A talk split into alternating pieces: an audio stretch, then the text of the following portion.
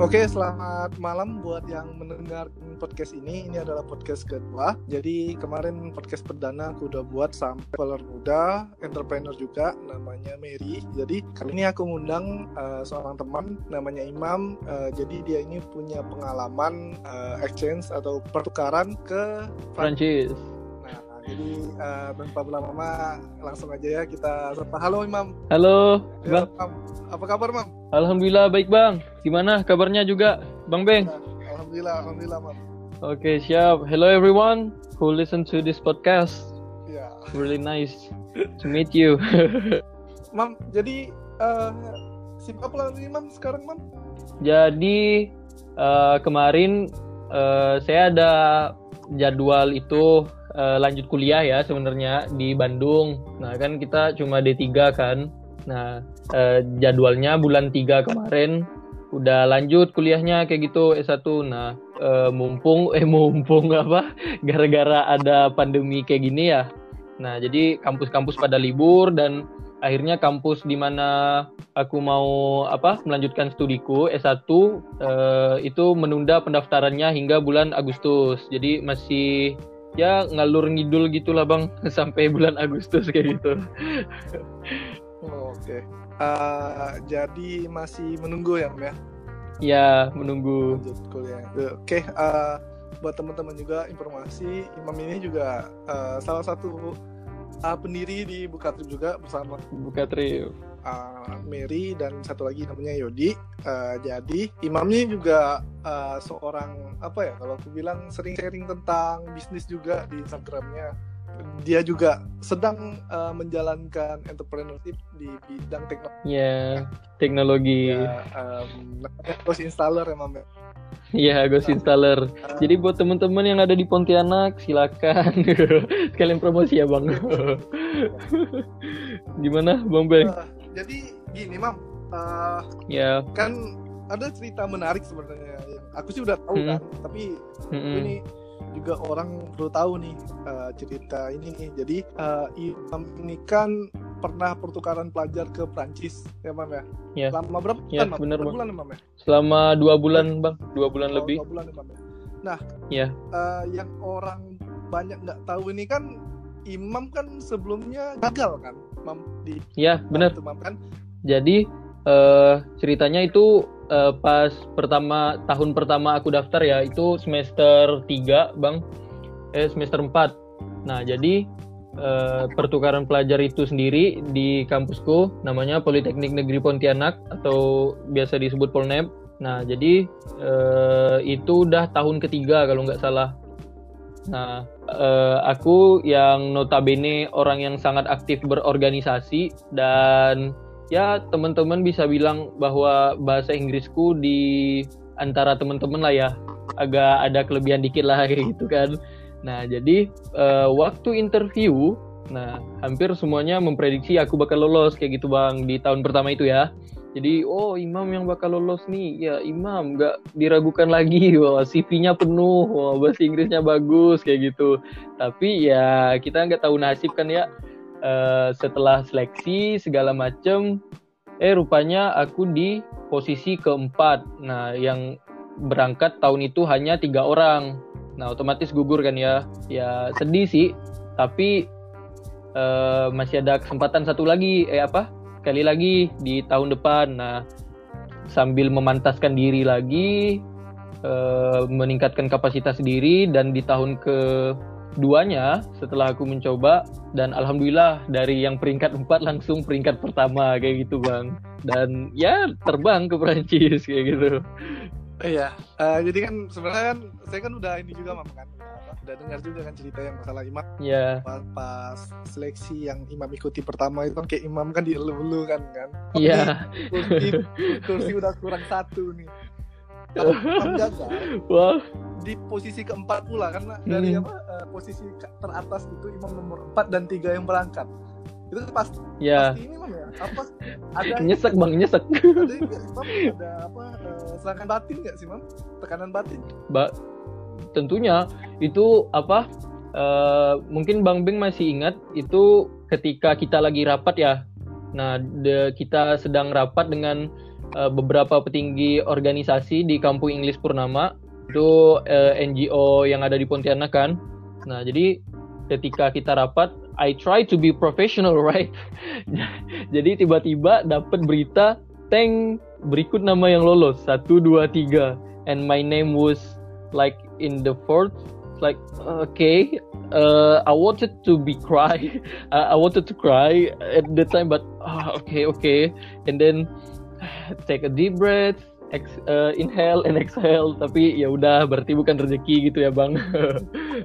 Iya sih uh, sebenarnya kan gimana ya? Kan kita ini kan udah satu organisasi mam. Satu bisnis ya. Uh, so yeah. I, I I know you I know you. Uh, yeah. when when that time jadi mm-hmm. uh, saya lumayan bisa membaca lah gimana nah uh, kan gagal lu mam. Ya, ya, ya bang. maksudnya gagalnya ini bukan gagal yang biasa. Karena gagalnya itu kayak udah peringkat keempat dari tiga orang yang berangkat. Terus ya. di lu lu kan sama orang. Lu kan ya tahu-tahu gagal. Nah gagal bener-bener. itu gimana imam mencoba untuk bangkit mam? Oke okay. siap. Jadi uh, the most important thing uh, for me itu uh, adalah uh, find the solution bang. Jadi nggak blame situation. Nah jadi setelah apa tahu nggak lulus nah saya kembali sharing-sharing sama teman-teman yang tiga teratas tadi.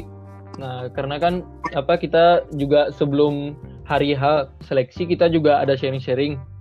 Nah jadi semuanya ngespot saya ngespot aku kalau uh, you're good actually mom ya everyone count on you like that kan. But you miss this part. You have no contribution to your campus. Oh yeah. And and I was like ah how stupid I am. And then uh, apa di dalam interview seleksi tersebut nah uh, jurinya juga uh, tanya kemarin itu bang di kayak mereka kan lihat CV ku kan kayak penuh banget dan relate semua sih alhamdulillah tapi mereka tanya uh, kan itu kan pertukaran ya ada mahasiswa Polnep yang ke Prancis, ada juga mahasiswa Prancis yang ke Polnep. Nah, jadi sebelum hari eh, sebelum seleksi itu digaungkan, I was like ke kayak nggak ada peduli sama sekali dengan uh, kontribusi di kampus kayak gitu bang. Jadi uh, jurinya tanya kayak gini kemarin, e, kamu kenapa nggak jadi tour guide? Padahal bahasa Inggris kamu bagus. E, maaf pak, saya uh, kemarin sibuk organisasi ini, organisasi itu, acara ini, acara itu di luar mulu kan. Uh, fokusnya hanya meningkatkan kapasitas diri sendiri tanpa kontribusi ke kampus. Nah, itu di skakmat sih sama jurinya tanya kayak gini, oke, okay, kalau kamu nggak lolos tahun ini, uh, kamu mau nggak jadi tour guide? And I was like, pertanyaan apa ini? pertanyaan apa? Lalu kayak uh, dengan setengah hati jawab iya pak mau. Uh, of course ini in English ya cuma aku peragain dengan bahasa yang ya enak aja kayak gitu kan. Nah jadi jadi uh, beneran nih mau? Iya pak mau. Nggak diterima ini? Iya pak mau. Yakin? Iya pak. Jadi setelah uh, keluar pengumuman itu uh, kodarullah ya kayak destiny. Uh, besoknya aku langsung ketemu sama uh, juri itu pas mau sholat zuhur. Ah imam jadi tour guide. Oh, si pak sih langsung. Nggak lolos tapi jadi tour guide alhamdulillah. Dan itu juga kayak life is uh, about connecting the point sih bang. Banyak hikmahnya aku nggak diterima dan banyak hikmahnya juga aku bisa jadi tour guide kayak gitu bang dan akhirnya keterima dan pergi di tahun berikutnya. Mm -mm. Oke okay, mam. Nah uh, kalau saya lihat memang ada sisi yang yeah. saya tangkap gitu. Jadi kayak hmm. imam ini kan di antara teman-teman itu kan lebih ini ya, maksudnya aktif berorganisasi, masa yeah. bagus. Nah, menurut imam, imam, imam melihatnya itu sebagai hmm. Sebagai apa ya namanya? Maksudnya pasti teman-teman ngelihat kan, kalau imam aja nggak lolos, gimana aku?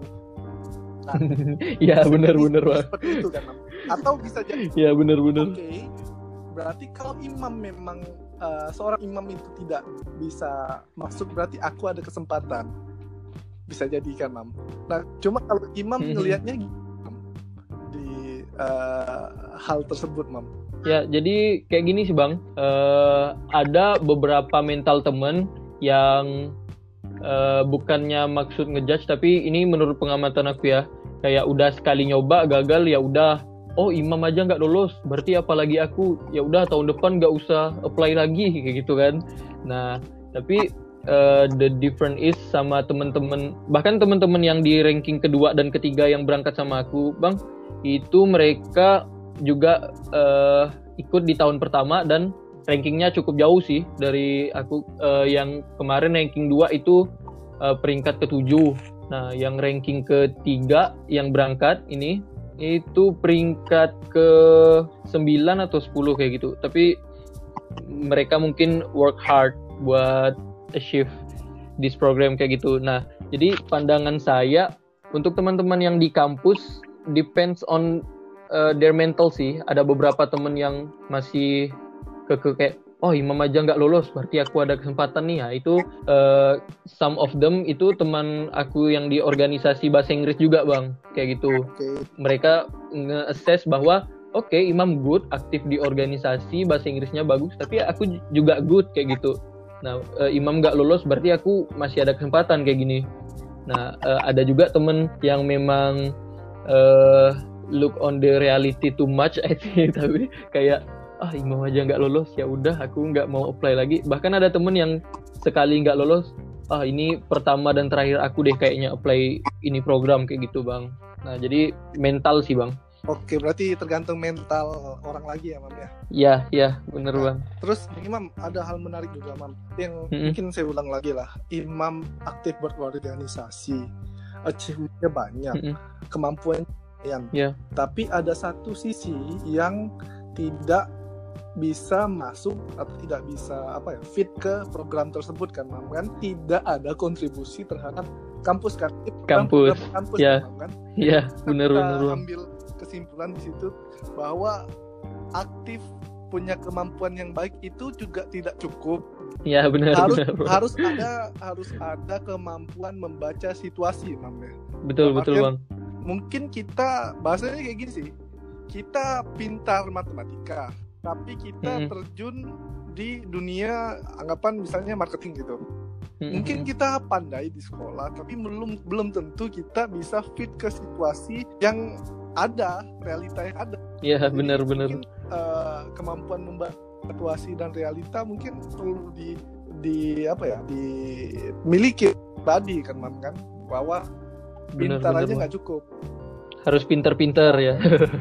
dan terlalu pintar nggak boleh Iya Terlalu bener. bagus juga tidak bagus. Gak boleh. Apaan sih ini anak kayak gitu kan. Nah tapi yang paling menarik itu ya bener sih bang. Jadi setelah aku gagal dan evaluate sama teman-teman yang lolos, mereka bilang kayak gini, ya of course lah kamu gak lolos. Eh, kamu eh, mau dibiayain sama eh, Polnep nih. Ceritanya Polnep mau ngasih duit, tapi kamu udah ngasih apa ke gue kayak gitu kan? Nah, udah ngasih apa ke aku ke Polnep ini? Nah jadi kayak well if I give you this grant mungkin kamu nggak bakal nggak kontribusi juga bakal kayak gitu nah jadi ya bagus lah aku nggak dilolosin pas itu Jadi saya koreksi dulu juga ya Karena ya, gitu, Mam, ya. kita Introspeksi. kan di organisasi sama-sama Mam tahu lah kita juga ada seleksi anak-anak yang harus eh, yang nantinya akan berangkat ke Amerika mam kan? Dan kita lihat realitanya Mhm. seperti apa kan? Dan memang benar yang dilakukan oleh Polnep kan? Seperti nah, Iya, ini kan cerita cerita gagal mam. Udah saya kulik-kulik. Apa? Siap, eh, siap. nah setelah gagal kan berhasil mam. Mm, Kan ke Alhamdulillah. Prancis, Mam, ya, selama dua bulan. Ke daerah bulan. apa mam eh, nama kotanya Lille bang. Itu utaranya eh, di Paris utaranya Prancis. Jadi dari Paris ke Lille tiga jam. Kira-kira kayak Pontianak Singkawang lah. Saya di Singkawangnya kayak gitu. Eh, nah mam boleh sharing lah, mam pengalaman eh, Prancis mam? Karena itu Eropa mam. Mm-mm. Eh, mungkin Imam Ya. beberapa kali udah traveling ya sama juga sama saya juga udah pernah Ya. kan Nah, bener-bener. saya Asia aja mam. Nah Imam ke Eropa nih mam. uh, Imam juga punya pengalaman pas di karena Eropa itu kan deket mam kan. Jadi Imam uh, keliling-keliling Imam juga ke daerah Eropa lain kan. Nah uh, Ya, coba bener, Imam cerita dulu lah pengalamannya ke Perancis gimana? Ya, eh, jadi pengalaman pertama in- dan sampai sekarang susah dilupain bahwa saya baru eh, apa? Aku benar-benar baru nyadar kalau orang kita, orang Pontianak atau orang Indonesia itu malas, malas banget banget bang. jadi kan kita terbiasanya eh, eh, ke depan gang beli Indomie pakai motor kayak gitu kan. apa ke mau mesan apa apa mau mesan apa-apa tinggal pakai Gojek, mau makan ini, mau makan itu. Nah, pas sampai sana eh, semuanya pakai transportasi umum. Nah, semuanya pakai jalan kaki if you don't have car or bicycle kayak gitu. Nah, jadi kemarin sempat jalan 12 kilo bang Oh, itu betis kayak betis kayak oh. nah jadi tuh eh, first impression datang sana oh wajar sih bahwa Eropa dikategorikan maju karena pemerintahnya bener kayak consider tentang gimana ngeefisienkan eh, fasilitas publik sehingga publiknya bisa eh, lebih sehat tapi di sisi lain kotanya juga nggak macet kayak gitu nah itu dari sisi infrastruktur kota sih nah yang paling good sih gini bang Eh, jadi itu kayak pakai sektor-sektor. Jadi eh, kalau sektor untuk kampus dan perkantoran, nah, itu namanya cité scientifique. Jadi kalau pagi-pagi itu orang eh, tetap kayak apa ke arah kampus semuanya kayak gitu. Nah, tapi mereka the good thing adalah eh, memisahkan kayak kota eh, di dalam kota. Nah, perumahan-perumahan aja semuanya. Kalau sekolah dan perkantoran eh, di situ satu titik. Nah, kalau mall dan perbelanjaan di sini, di sini pusatnya kayak gitu. Nah, jadi nggak ada yang kayak eh kayak nyebar-nyebar kayak gitu, Bang. Jadi sangat efisien lah kalau seandainya kita mau tinggal di sana ataupun eh, studi di sana kayak gitu. Nah, dari sisi culture human resource-nya ya, manusianya memang sih kalau dibandingin sama kita anak Asia atau especially Indonesia lah ya. Nah, mereka eh, sebenarnya gak gak kerja-kerja keras amat sih kayak gitu, Bang. Apa? Eh, anak-anak Eropa di sana mereka juga kayak pagi kuliah, malam nyantai. Kalau kita kan ke warkop kayak gitu ya, mereka ke klub, minum-minum doang. Nah, kayak gitu nggak ada yang lebih, eh, nggak ada apa perbedaan signifikan. Tapi mereka hebat dalam membagi waktu kayak gini. Kalau misalnya besok libur, semuanya party, gak ada yang belajar bang. Itu perpus perpus di apa? Perpus di kampus dan perpus di eh, penginapanku. Kan penginapanku juga ada perpus. Nah itu semuanya kosong, semuanya ke klub kayak gitu kan. Nah kalau eh, besoknya mau ujian, nah itu full tuh kampus. Eh, semuanya pada nunduk pakai headset, eh, dipanggil kayak apa orang budek semuanya kayak gitu. Nah tapi mereka sangat good lah dalam membagi waktu kayak gitu dan fokus kayak gitu bang. Oke oke. Eh, Imam kan tadi saya bilang ya Lain ke Prancis kan ke daerah lain juga tuh. Nah eh, Ya. pas apa pertukaran ini kan eh, ke mana-mana aja mam di Eropa mam.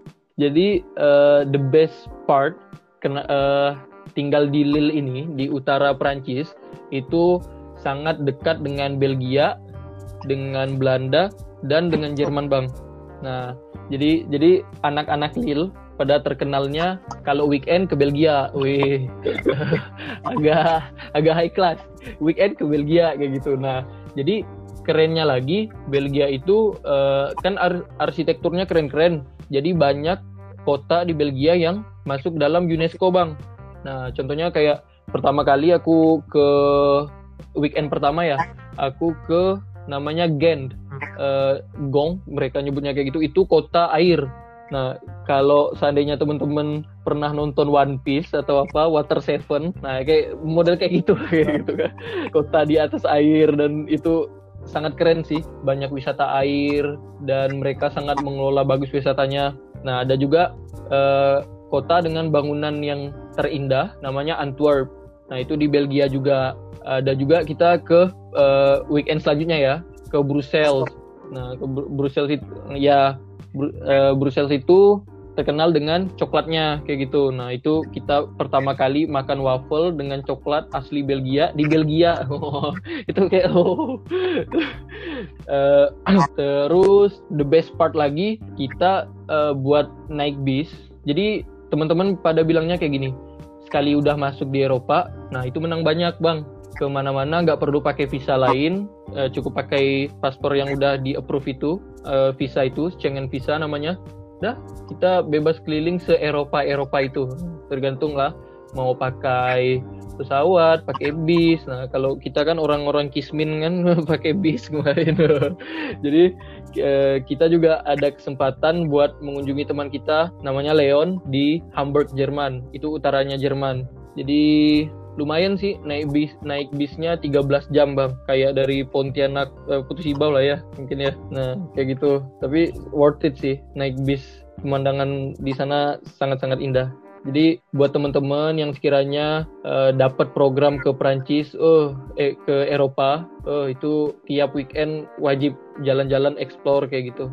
Keren deh. Oh ya, uh, visa Schengen itu untuk Uni Eropa kan, Bang? Ya, uh, bener Bang. Inggris berarti sekarang udah nggak bisa karena keluar Brexit. Brexit. Uni kan? Ka kalau enggak gini bang, kalau seandainya uh, Inggris itu nggak Brexit, nah kita bisa tuh naik uh, naik apa? Naik kereta dari Lille ke uh, eh, UK. Nah itu bener nice. Cuma nggak bisa, nggak ada paspornya, nggak ada Mas visanya. ke sana udah Brexit, Mam? Ya udah udah bang. Jadi ya memang nggak berkesempatan ke Inggris ya? Ya nantilah. Kalau bisa hal mantap tuh kan uh serasa Harry Potter ya Harry Potter, Harry Potter. Ya uh, selain Belgia ke mana lagi mam? Ada lagi nggak mam? Ke Eropa mam? Daerah di Eropa mam? Jadi ya kita mainnya ke atas atas aja sih bang. Uh, kemarin uh, berkesempatan transit di Dortmund, Dortmund ya. oh, itu uh, ya Dortmund. Uh Dortmund. Cuma ya kotanya biasa aja sih. Tapi pas lihat apa uh, memang itu kota yang menjunjung tinggi bolanya kayak gitu. Nah banyak banget aksesoris bola. Cuma kemarin karena transitnya cuma berapa jam ya? Paling dua jam juga sempet main ke stadiumnya. Nah, yang paling nice, bener-bener uh, apa ya? Semua kota di Eropa cantik bang, tapi nggak ada yang ngalahin Paris emang sih. Oke okay, oke. Okay. Kan memang jadi tuh kemarin uh, dapat bis yang murah, murah, murah, termurah lah. Jadi bayangin aja dari Lille, dari kota kami ke Paris, itu dapat tiket bis. Coba tebak berapa? Satu euro, enam belas ribu, enam belas ribu ke Prancis. jadi uh, di Prancis kan uh, ada uh, ya ke ke Paris. 16.000 ke Paris. Oh luar biasa. Nah jadi pas sampai sana nah itu biaya pas sampai sananya yang gede bang. Jadi sistem transportasinya bener-bener ribet. Tapi ketika kita udah sampai di tempat wisatanya bener-bener worth it sih. Apalagi menara Eiffel dan juga ada kastil namanya Versailles. Itu artis-artis Korea pada ke sana juga kayak gitu bang. The best the best place ever still yeah. Paris bang. City of Love ya uh, ada ke ini mam Menara Eiffel pasti kan? Pasti pasti. Gimana uh, menurut nah pas sampai sana sih gimana ya pertamanya pikir oh kayak gini menara Eiffel. Biasa aja sih bang. Oke oh, gini. Uh, tapi sorry to say ya karena apa di menara Eiffel itu luas luas banget dan orangnya rame juga bang. Jadi apa toilet umum sangat terbatas. Nah jadi di sekitaran menara Eiffel banyak bau-bau pipis. Gak jelas kayak gitu bang. Bau pesing tapi ketika kita main agak jauh yang ada tempat yang bisa ambil spot foto bagus nah itu benar-benar bagus perfect sih. Banyak orang jualan. Nah eh, pas sampai sana juga eh, menara Eiffel sayangnya kita nggak tahu nih. Jadi aku main di taman sebelah kiri. Nah di hari yang sama aku nggak tahu jam berapa ada Lisa Blackpink. Main juga ke Menara Eiffel tapi di bagian taman sebelah kanan sebelahnya. Kayak what the heck? Kalau seandainya lah ya uh, Lisa Blackpink eh apa orang-orang Eropa ini kayak orang Indo nah mungkin kita pasti bisa notice bang apa tuh rame-rame? Apa tuh? Kayak artis kayaknya kayak gitu. Tapi ini sepi aja kayak gitu kan. Aduh Lisa sayangnya. Nggak bisa ketemu Lisa Oke, Mam. Uh, kemudian ini, Mam, makanan, Mam. Mm -hmm. Mam, apa apa aja sih yang udah Imam berasa, uh, terutama makanan khas Prancis, Mam? Karena uh, apakah Imam udah juga udah makan ratatouille? Karena ratatouille kan lumayan terkenal ya, yeah. kan? Ya. Yeah. Uh, gimana, Mam? Bener-bener, Bang. Kalau ratatouille Enggak bang, uh, the the first karena yang jual cuma restoran. Ah oke. Okay. Nah dan kedua kita nggak pernah ke restoran oh. gitu. nah jadi tuh uh, mungkin Farhan pernah ya, Pak Farhan uh, sama apa teman ceweknya di sana karena dia spend a lot of money di sana temanku yang satu lagi. Uh, jadi untuk makanan kita kan sering dengar ya bang uh, di mana-mana nyebut kentang goreng French yeah, fries yeah. kan? Ya ke, apa gorengan Prancis kan? Nah anehnya di sana mereka nggak tahu French fries apa. Mereka taunya fritz oh. apa? Fritz. Di French fries. What? French fries? Eh, nggak tahu mereka. Nah jadi the menariknya gini juga bang. Uh, makan di sana kalau makan di luar lah ya memang mahal. Kayak gitu. Kayak apa? Sekali makan di rupiahin uh, sekali makan mungkin 100 40 ribu, 170 ribu kali makan. Itu burger ataupun kebab. Tapi sangat worth it bang. Apa? Itu kayak porsi kuli kebabnya itu. porsi kuli. Ketika pas apa? Pas sampai pulang Pontianak, eh pengen makan kebab lagi nih. Ayo, ayo ini kebab apa ini kecil. Nah udah biasa makan kebab sana. Nah worth it sih kayak kemarin aja makan kebab 170 ribu kalau nggak salah itu sama uh, apa Pepsi atau Coca-Cola sama kentang goreng nah itu bisa dua kali makan bang lumayan okay. sih dan menariknya lagi apa semua yang mahal di sini itu murah okay. di sana bang dan, dan semua yang mahal di sana okay, itu murah di sini contoh nasi padang bang Nah, jadi kayak gini, kalau kita makan nasi padang di Indo kan di Indonesia, oh, ya biasa standar kan. Nah, tapi kalau di Prancis makan nasi padang, oh itu orang kaya, pasti orang kaya. Soalnya nasi padang sepiring 400 ribu bang. Oh. Empat empat ratus ribu untuk nasi padang. Nah, tapi kebalik nih, kalau di sini kalau ada anak-anak so kaya yang tiap pagi makan koko crunch minum susu kentang goreng kayak gitu makan sandwich oh kan kaya tuh di sini tuh nah itu anak kismin di sana di Prancis bang soalnya tuh soalnya apa? Uh, di Prancis kentang goreng uh, sekilo ya sekilo itu satu euro doang. Oh, ya. cuma enam belas ribu. Koko crunch juga apalagi susu telur sama daging bang. Susu itu uh, ada 6 6 packs kayak gitu ya 6 cuma berapa ya? 40 ribuan atau 50 ribuan gitu bang. Is, uh, dapat 6 kotak gede. Luar biasa. Murah di sana. Kalau uh, susu daging. Nah daging juga murah. Itu kebalik bang. Kalau kita di sini di Pontianak makan daging makan susu eh minum susu terus kan? Oh itu anak anak high bis kaya. Ah kangkung juga bang. Kangkung bang. Satu ikat satu ikat kecil di toko Asia. Berapa? mau tahu berapa? dua ratus ribu. Satu ikat kangkung dua ratus ribu. Di sini tiga ribu. Iya sih, mam. Uh, susah nggak sih mam cari mm-hmm. halal di sana karena uh, mm-hmm. jadi pasti kan prefer makanan yang halal kan. Kita ya, mau betul betul bang. Sebenarnya cari yang halal kan. Yang halal. Thailand mm-hmm. kita masih usahakan yang halal. Nah gimana kalau di sana mam? Ya, nah sangat sangat sangat beruntung kita di Prancis khususnya di Lille bang. Jadi di Lille itu banyak banget banget imigran Arab bang. Bukan imigran sih kayak keturunan Arab lah. Kalau kita di sini kan banyak banget orang Chinese atau apa kayak gitu. Nah jadi banyak banget orang Arab Uh, jadi sangat-sangat mudah menemukan makanan halal, kebab halal segala macam. Dan bahkan di supermarket bang, di supermarket ada disediain satu row khusus, satu row panjang banget itu khusus makanan halal sosis halal, nugget halal, daging halal, uh, apa istri halal. nah, jadi uh, dan kan alhamdulillah kebanyakan temanku yang di sana yang biasa apa bantuin jemput pakai mobil segala macam yang mereka juga pernah ke Pontianak. Nah, mereka semuanya hampir semuanya orang Arab bang. Nah kemarin juga diundang ke rumahnya. Uh, memang kayak sultan dia. Jadi banyak-banyak banget. Itu sejarah panjang sih bang. Kenapa banyak orang Arab di uh, Prancis? Mungkin sama kayak banyak orang Indonesia di Belanda. Kenapa banyak orang Indonesia di Belanda? Nah mungkin kayak gitu bang. Oh, uh, penjajahan or something lah ya. Oh, oke oke oke. Kan Imam kan ya, pengalaman dari tadi ya masalah apa uh, gagalnya kemudian yeah.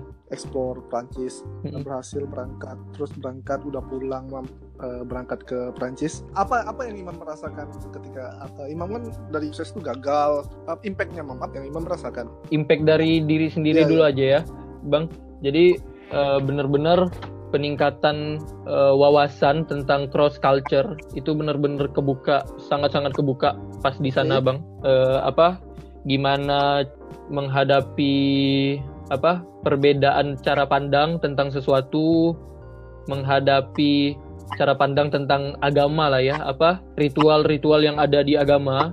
Nah itu kita uh, belajar menyikapi bagaimana uh, menjelaskan ke orang yang nggak tahu dan menerima jika orang nggak mau tahu sama ibadah-ibadah yang harus kita lakukan. Dan ketika sampai di sana uh, alhamdulillah ya masih Allah jaga. Jadi aku belajar untuk menguatkan iman bang.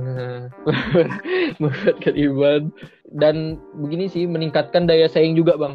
Nah sangat mengejutkan ketika di sana kita digabungin di dalam kelas yang isinya juga anak-anak student exchange dari Jepang, dari Itali, dari Spanyol, dari Greece, apa sih Greece Yunani, dari Yunani, ada juga dari Jerman.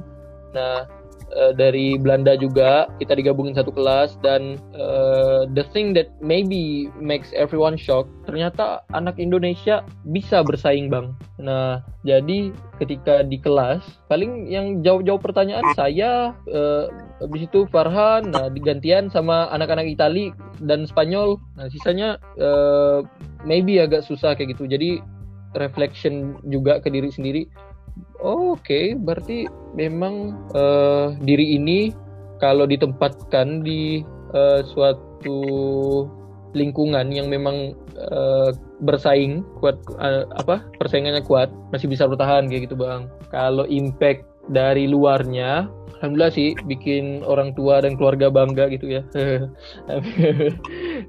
wah keluarga keluarga aku udah ada yang ke Eropa kayak gitu. Nah uh, impactnya juga bahwa uh, di organisasi uh, di organisasi kita juga bisa menerapkan apa yang kita pelajari di sekolah di Prancis gitu bang. Cuma karena ya akunya agak gimana benar ya kayak gimana benar sih apa sih uh, penerapannya. Nah mungkin teman-teman agak kurang kerasa impactnya tapi untuk teman-teman yang pengen apply ke program yang sama atau uh, pengen meningkatkan bahasa Inggrisnya nah itu bagi mereka sih uh, impactful banget sih punya aku untuk berbagi ke mereka kayak gitu bang. Oke okay, mam. Nah ya. itu kan tadi bicara impact nih mam. Mungkin ya.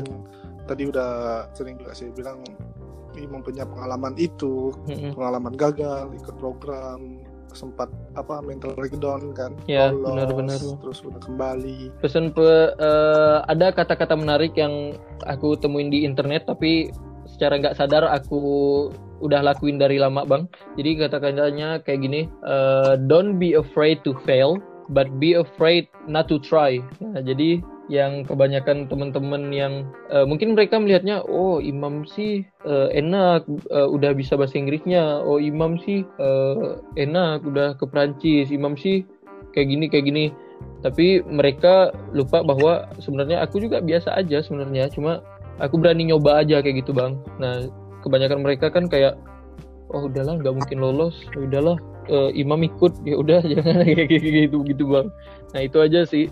Jangan takut buat gagal. Intinya takutlah kalau nggak coba sama sekali kayak gitu bang. Oke mam itu pesan buat teman-teman. Kalau saya lebih ya. imam punya hmm. ini nggak? Apa ya?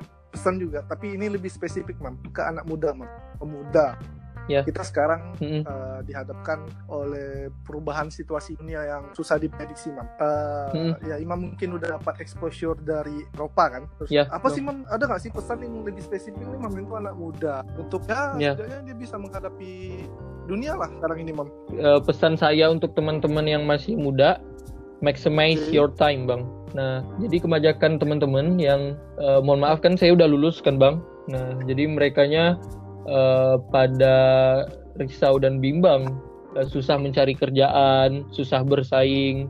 Tapi mereka nggak sadar, mereka bisa kayak gitu karena mereka gunain waktunya buat hal-hal yang kurang bermakna. Kayak gitu cuma rebahan atau cuma main game dari pagi sampai pagi. Ya gimana mau ningkatin skill?